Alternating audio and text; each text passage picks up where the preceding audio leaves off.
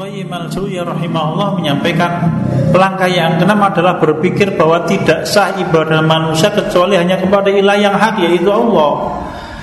Beribadah hanya kepada penguasa alam semesta hakiki yaitu Allah Ta'ala yang Maha Esa dan Maha Kuasa La tasihul ibadatu illa li ilahil haqqi wa rabbul haqqi wa huwa Allahul wahidul qahar Berpikir menetapkan di dalam hati dan pikiran kita bahwa tidak sah ibadah manusia kepada ilah kecuali ilah yang hak yaitu Allah Subhanahu wa taala. Kalau ada ilah yang diibadahi selain Allah maka dia ilah yang batil. Mbuh itu malaikat. Ya. Mbuh itu pusaka, mbuh itu nabi kalau mereka dijadikan sebagai Tuhan selain Allah maka batil. A'udzu billahi minasyaitonir rajim wa yawma yahsuruhum wa ma ya'buduna min dunillah. A antum adlaltum haula'i ibadi am hum dhallus sabil? Qalu subhanaka ma yanbaghi lana an nattakhidha min dunika min awliya. Walakin matta'tahum wa abahum hatta nasu dzikra wa kanu qauman bura Allah taala menyampaikan wonten ing surat Al-Furqan nggih Wa wa ma ya'buduna. Besok di hari kiamat, aku Allah akan mengumpulkan semua orang musyrik dan semua Tuhan yang mereka sekutukan selain Allah. Buh itu para malaikat, buh itu para nabi, buh itu semua bintang-bintang, buh itu matahari, buh itu api yang mereka jadikan Tuhan selain Allah dikelompok ke seluruhnya. Lalu di hadapan Tuhan, Tuhan yang diibadahi selain Allah ada malaikat, ya ada para nabi yang diangkat derajatnya menjadi Tuhan oleh pengikutnya.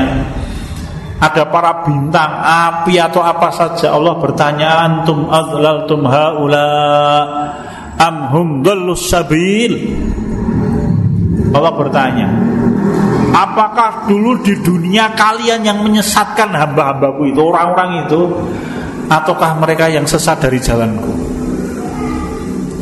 maka Tuhan-Tuhan selain Allah itu dengan penuh ketakutan menjawab Qalu ma yang bagilana an nattakhidha min dunika min awliya. Wahai Allah Tidak layak bagi kami untuk menjadikan Tuhan ilah selain engkau Walakin mata tahu abahum tapi mereka menyelewengkan anda wahai Allah telah memberikan mereka nikmat dunia yang sangat banyak akhirnya mereka lupa dan demikian pula bapak-bapak nenekmu yang mereka lupa kepada anda wahai Allah.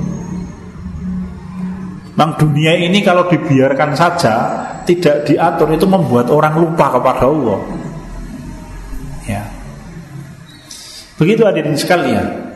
Ya, bagaimana kita bisa berpikir meyakinkan hati kita, meyakinkan akal kita bahwa tidak sah ibadah kecuali hanya kepada Allah Subhanahu wa taala. Kenapa? Karena Tuhan hak itu Allah, sedangkan selain Allah itu batin. Bismillahirrahmanirrahim. Assalamualaikum warahmatullahi wabarakatuh.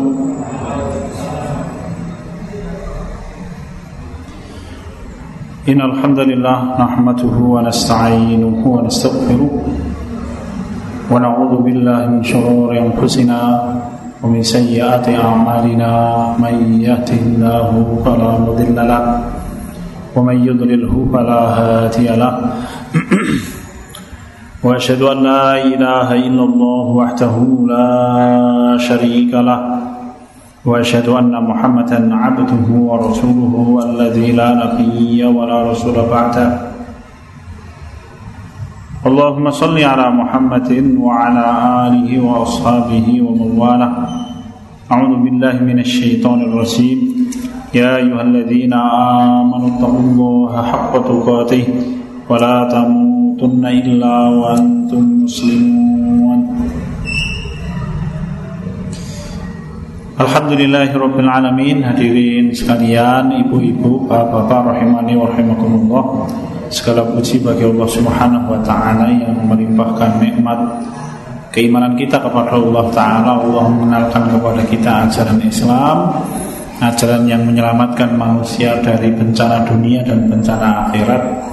Mari kita jaga nikmat paling besar ini untuk selalu ada pada diri kita sampai kita dipertemukan oleh Allah Subhanahu wa taala dengan kematian. Sebagaimana diperintahkan oleh Allah wonten ing surat Al-Hijr ayat ke-99 Allah menyampaikan wa'bud rabbaka hatta ya'tiyakal yaqin. Dan ibadahilah Rabbmu Allah sampai kematian mendatangi.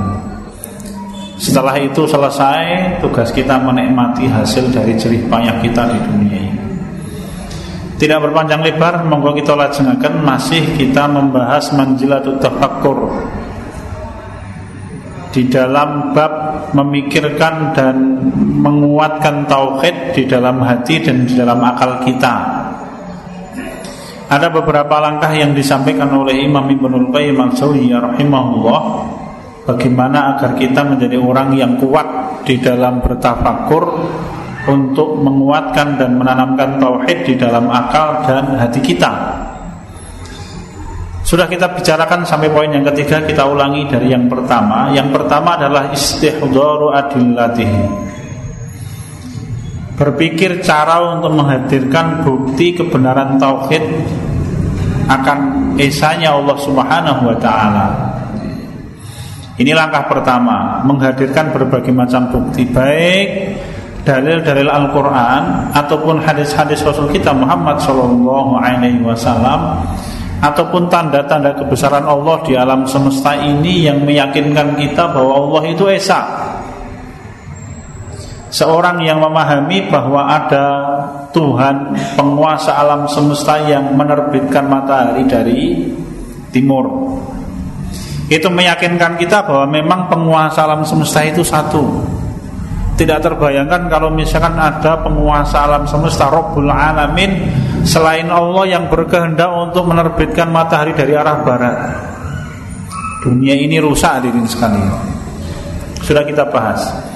Engkang mongko kali Imam Ibnu Qayyim Al-Sawi rahimahullah menyampaikan langkah yang kedua adalah syawahidud dalalah ala batlani syirki wa istihalahu mengikirkan tentang penguatan bukti akan batal dan rusaknya syirik. Baik syiriknya orang yang meyakini bahwa dunia ini muncul dengan sendirinya dan ini syirik yang paling buruk namanya syirku ta'til. Contohnya sinten ya, syirku ta'til itu datang baik dari orang yang meyakini dirinya Tuhan. Contohnya Fir'aun dan Namrud atau orang-orang semodal ateis yang meyakini bahwa bumi ini muncul dengan sendirinya.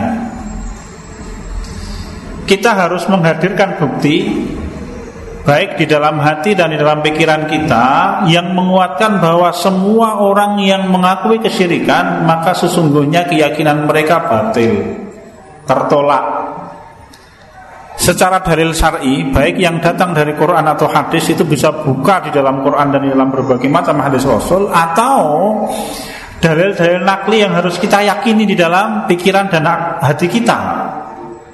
Menawi kalau ini kita sampaikan misalkan orang yang meyakini bahwa bumi ini datang dengan sendirinya dan bergerak dengan sendirinya itu naluri manusia menolak Sebagaimana menolaknya pikiran kita ketika orang diberitahukan ada sepeda yang jalan sendiri. Kalau ini kalau cerios nggih, saka pantai Samas ketuk pojok Benteng Wetan.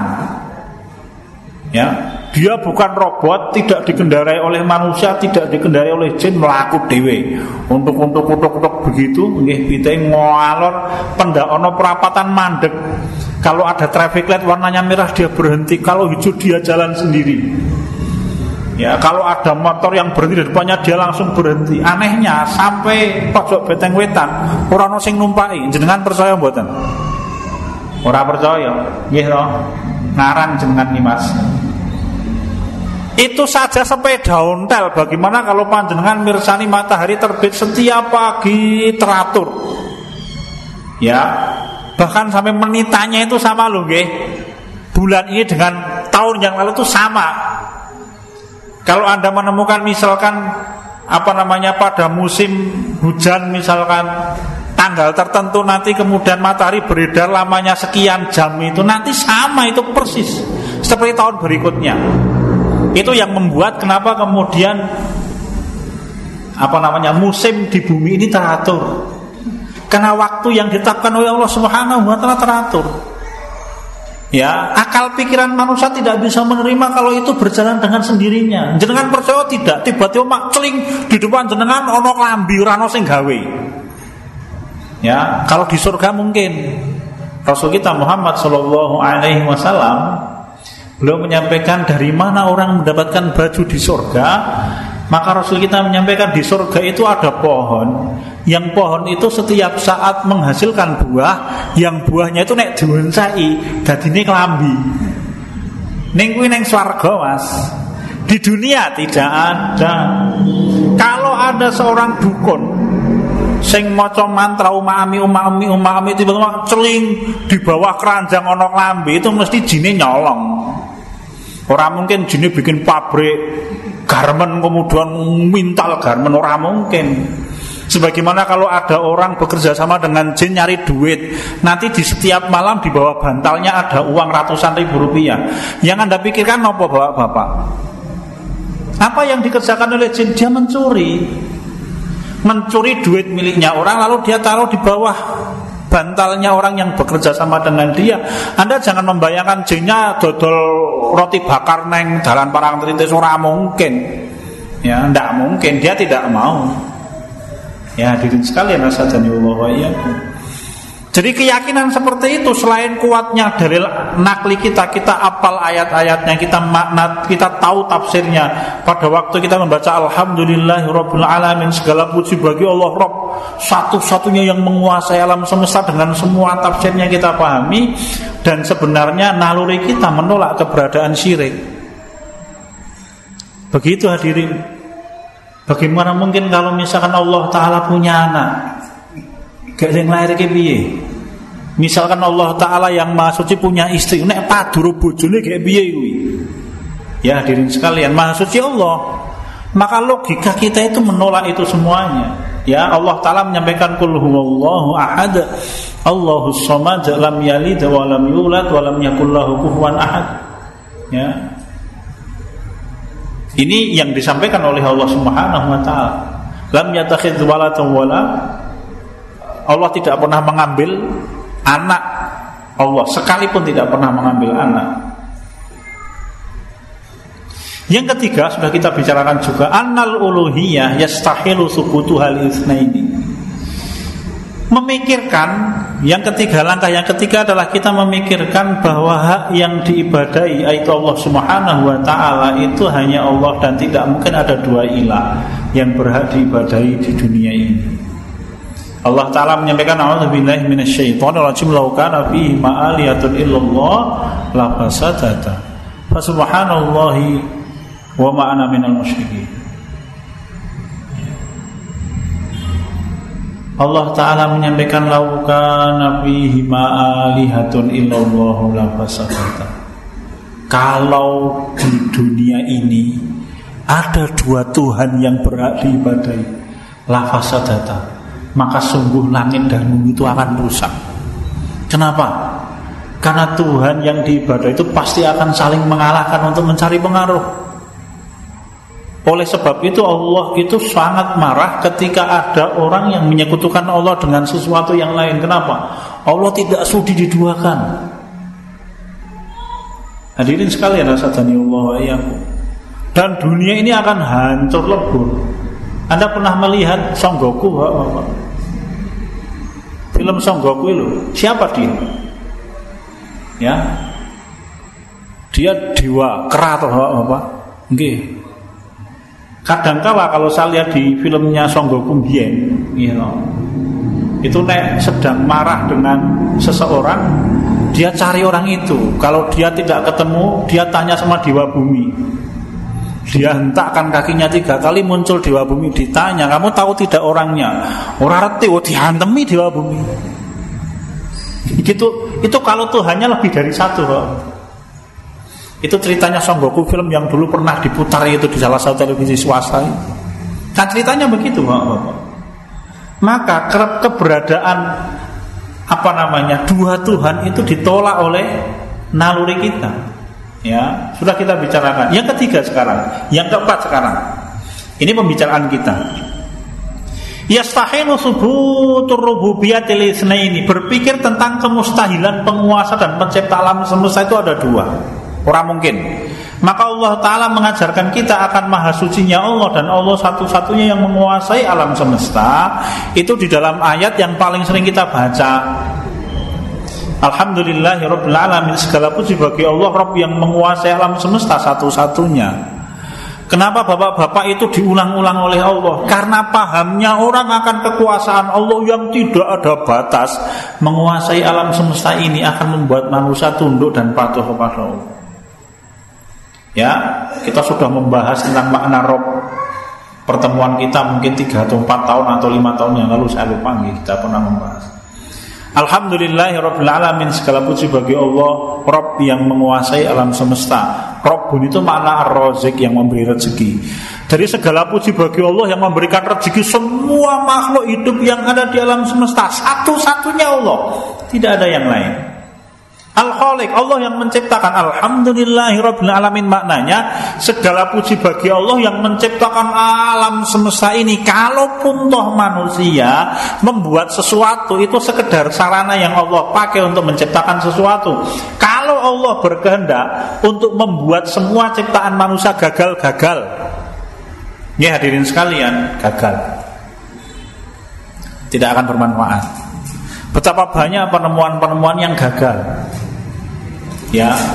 Apalagi kalau panjenengan sudah mendapatkan media sosial seperti sekarang Anda kepengen mencari fakta tentang penemuan-penemuan gagal yang diarah oleh manusia itu banyak sekali. Panjenengan cari di YouTube misalkan teknologi gagal atau apa Anda akan muncul banyak sekali video. Ya. kalau kemudian penelitian manusia itu berhasil karunia Allah Ta'ala. Allah menciptakan sarana ikhtiarnya manusia untuk menghasilkan sesuatu Begitu hadirin, orang bisa menciptakan teknologi sepeda motor yang bisa bergerak karena menggunakan bensin. Bagi Allah Ta'ala membuat semua motor yang menggunakan bensin saat dunia mandek itu gampang. Piye caranya dibikin agar kapasitas minyak yang ada di dunia ini terbatas.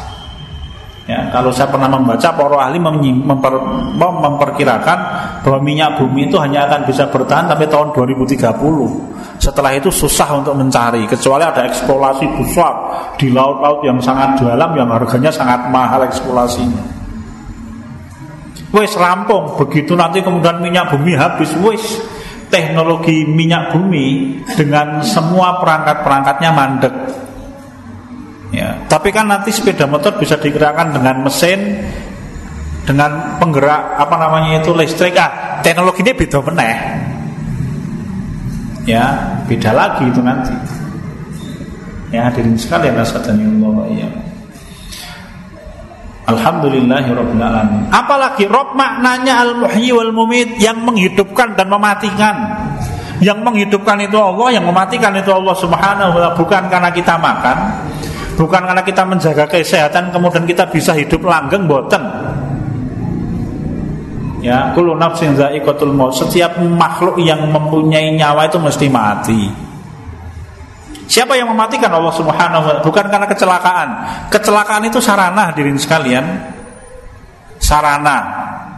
Logikanya menungso kalau bapak-bapak yang pernah mengalami gempa tahun 2006 ya, kalau saya ngalami wong saya itu pas tidur di rumah ibu saya Jalan Wonosari mereka dekat dengan pusat gempa yang jarak rong kilo rumah saya itu dengan Kaliopa. Itu merasakan keajaiban yang luar biasa. Kenapa Bapak? Bapak? Karena kampung kami itu yang meninggal satu orang, satu orang aja ceritanya aneh. Jadi di kampung saya Tegal Sari Pasar Baik itu yang meninggal satu orang anak. Tapi selatan kampung kami ada kampung yang itu busak basah yang meninggal sepuluhan. Kampung ke selatan. Kampung kami hanya satu orang. Satu orang itu ada seorang anak yang ketika gempa tidur. Begitu gempa berlangsung oleh sang bapak langsung diambil diajak lari. Pada waktu diajak lari itulah kemudian sang anak ketimpa tembok. Begitu gempanya usai kembali ke tempatnya, rupanya tempat tidurnya anak niku ngutuk. Ora rusak, Mas. Ya, bapak ini mikir, "Wo, lah mau rasa diajak melayu barang."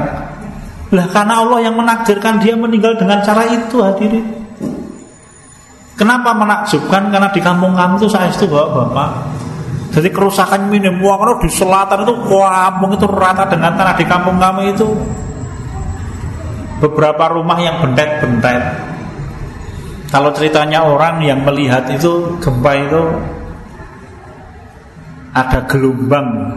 Kalau kampungnya itu pas di atas gelombang itu basah-basah.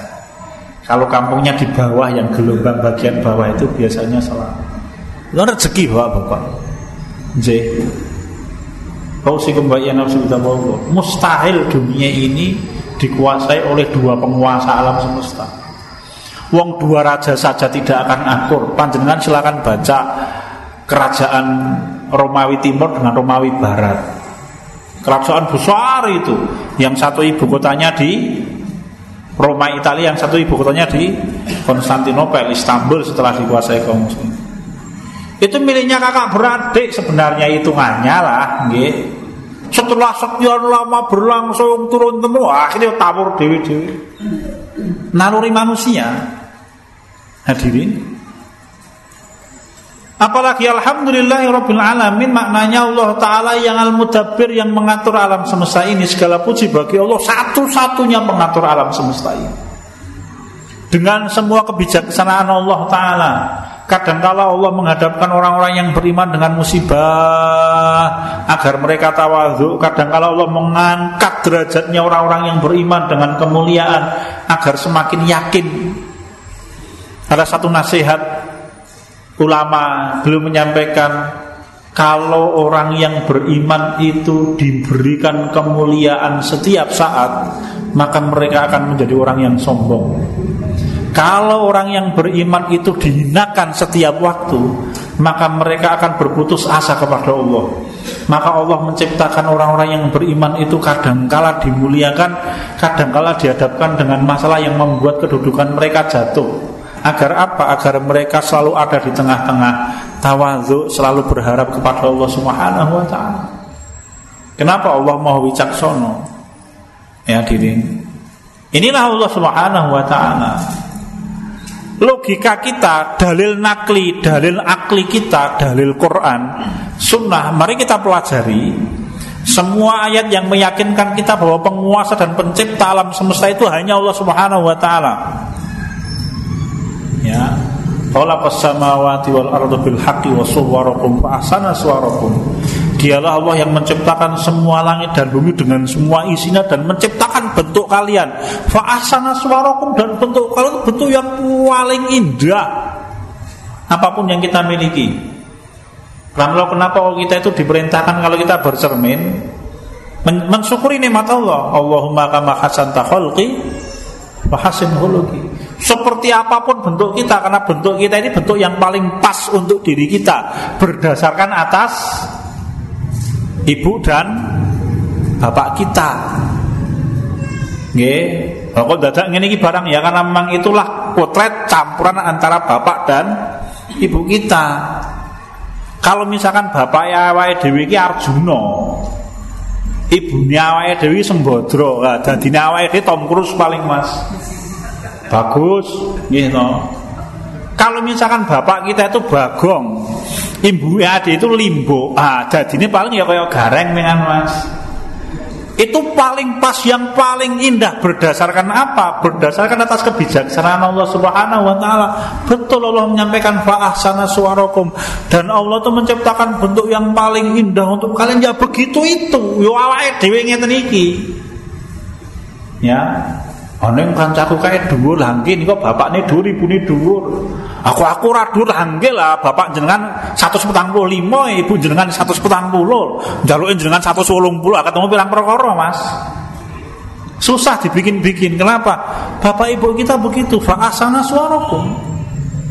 Itulah kebijaksanaan Allah Subhanahu wa taala hadirin sekalian, Allah wa iyyakum. Coba bayangkan kalau Allah berkehendak menciptakan kita dengan dua kaki dan dua tangan Lalu ada Tuhan yang berkehendak untuk menciptakan kita dengan sepuluh kaki Kayak piye gue Akhirnya piye itu yang terjadi? Bayangkan kalau Allah Ta'ala itu berkehendak menciptakan hidung kita itu mengarahnya ke bawah Lalu ada Tuhan yang meminta agar hidung kita ngarep ke atas Bayangkan kalau ada Tuhan nanti yang meminta selain Allah Meminta agar alis kita diletakkan di bawah mata. Wah semaput jenengan mas. Yes Susah. Sudahlah. Allah Ta'ala maha kuasa yang menciptakan ini semuanya dengan penuh keindahan. Siapa yaitu Allah Ta'ala?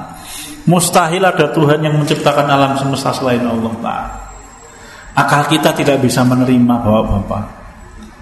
Apalagi Quran dan Sunnah lu Ya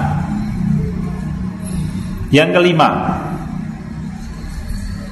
apa yang bisa kita lakukan dengan berpikir? Imam Ibnu Qayyim al-Jauziyah rahimahullah menyampaikan yang kelima, berpikir untuk menanamkan dan menguatkan tauhid di dalam hati dan pikiran kita. Ya. Berpikir bahwa perkara yang paling batil adalah keyakinan adanya oh mohon maaf, ibadah mohon maaf ini ya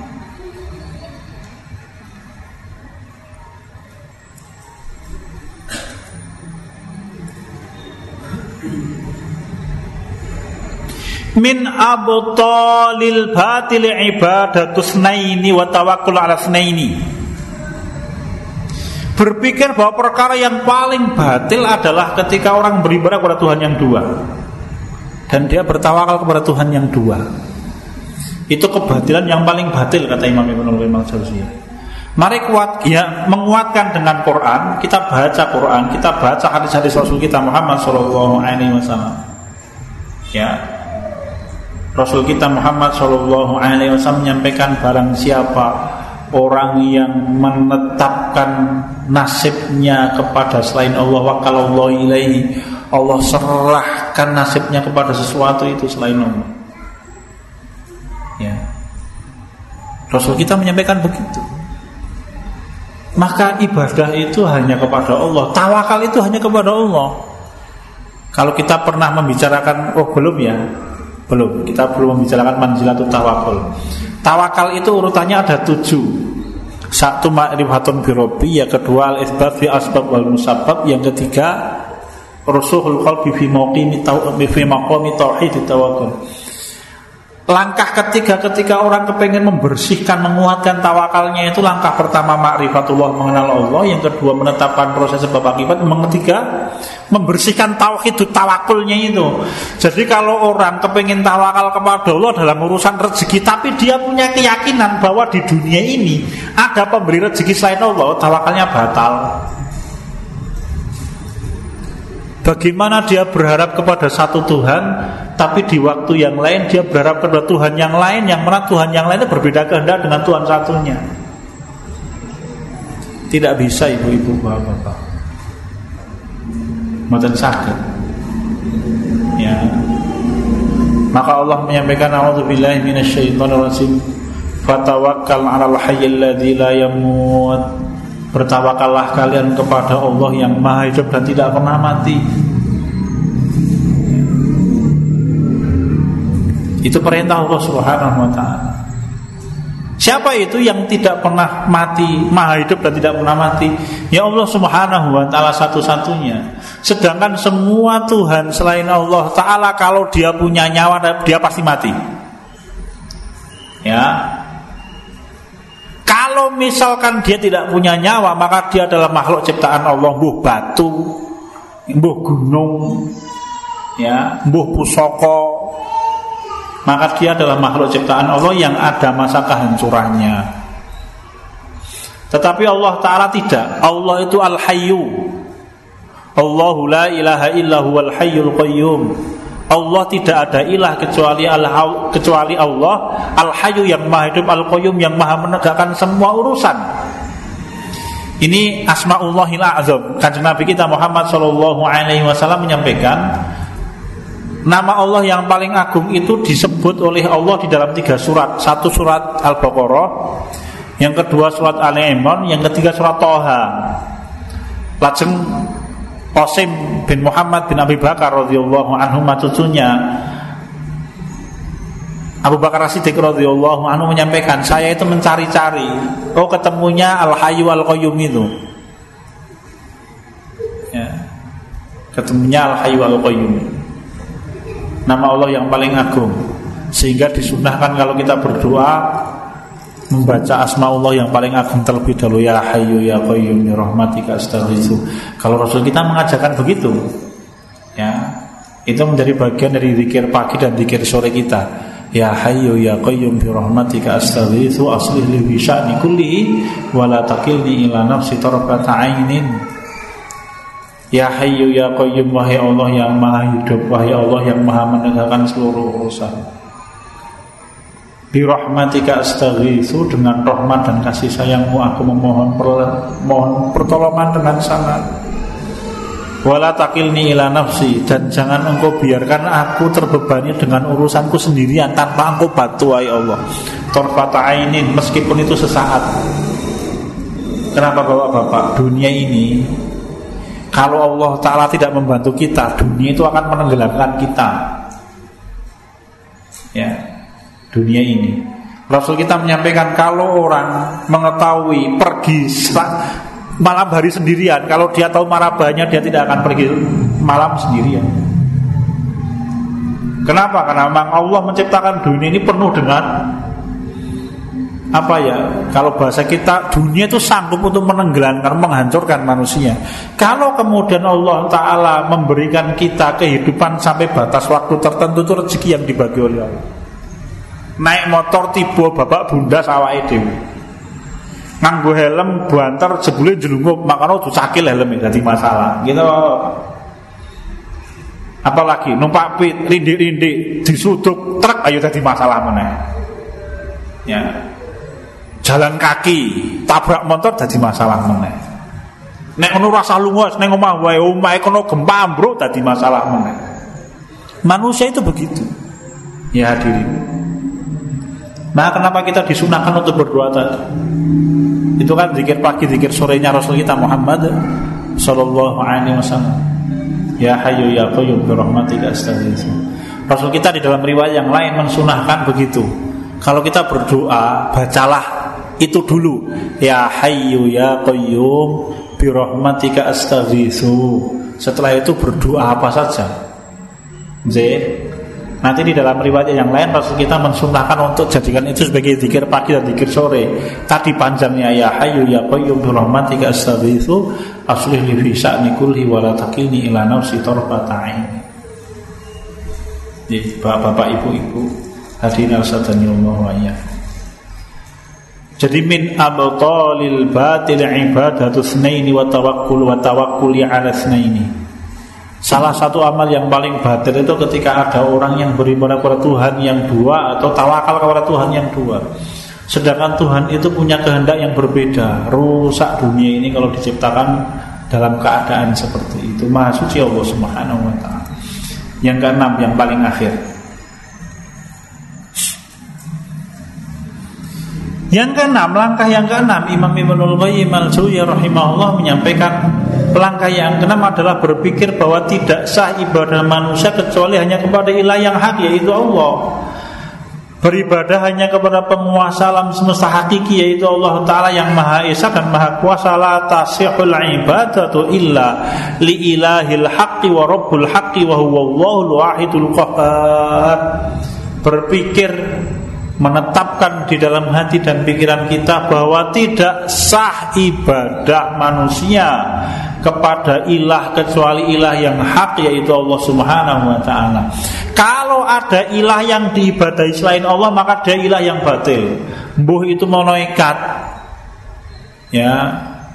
Mbuh itu pusaka, mbuh itu nabi kalau mereka dijadikan sebagai Tuhan selain Allah maka batil. A'udzu billahi minasyaitonir rajim wa yawma yahsuruhum wa ma ya'buduna min dunillah. A antum adlaltum haula'i ibadi am hum sabil? Qalu subhanaka ma yanbaghi lana an nattakhidha min dunika min awliya. Walakin matta'tahum wa abahum hatta nasu dzikra wa kanu qauman burura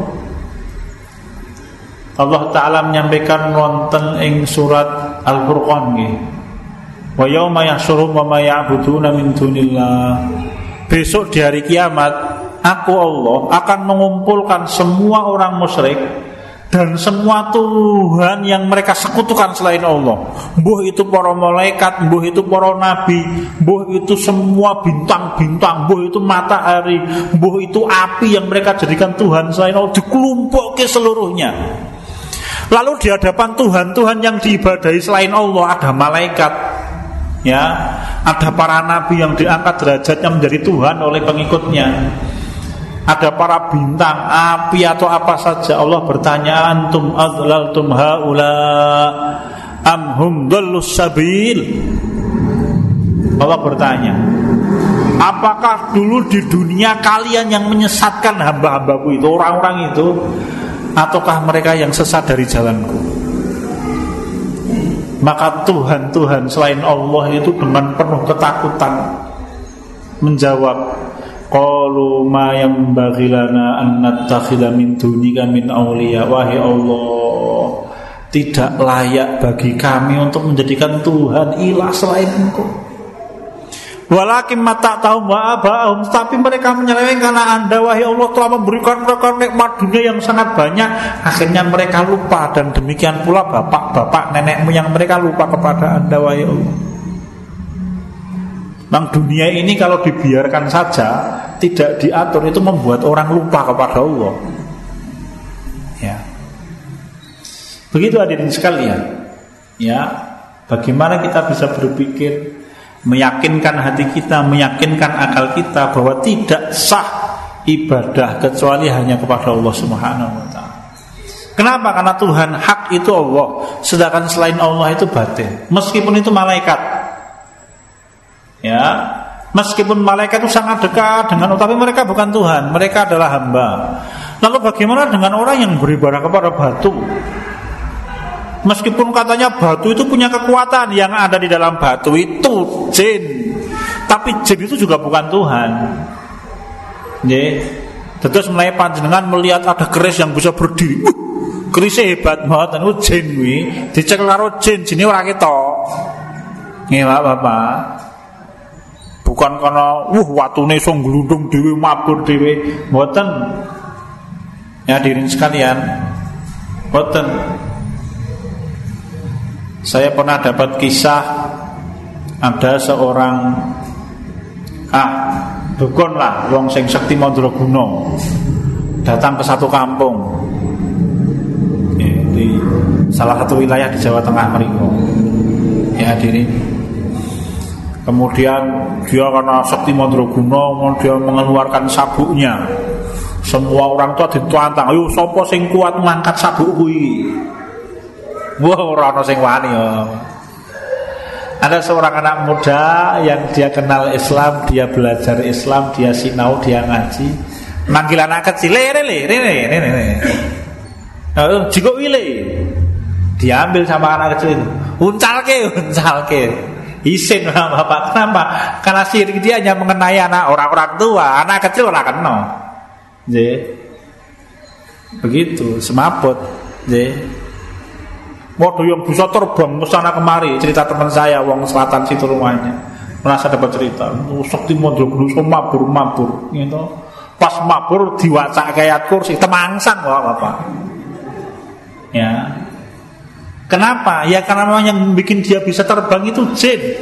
Bukan karena dia sakti mandraguna hebat seperti apa. Tetapi jin itu pun meskipun dia bisa terbang, dia makhluk, dia bukan Tuhan.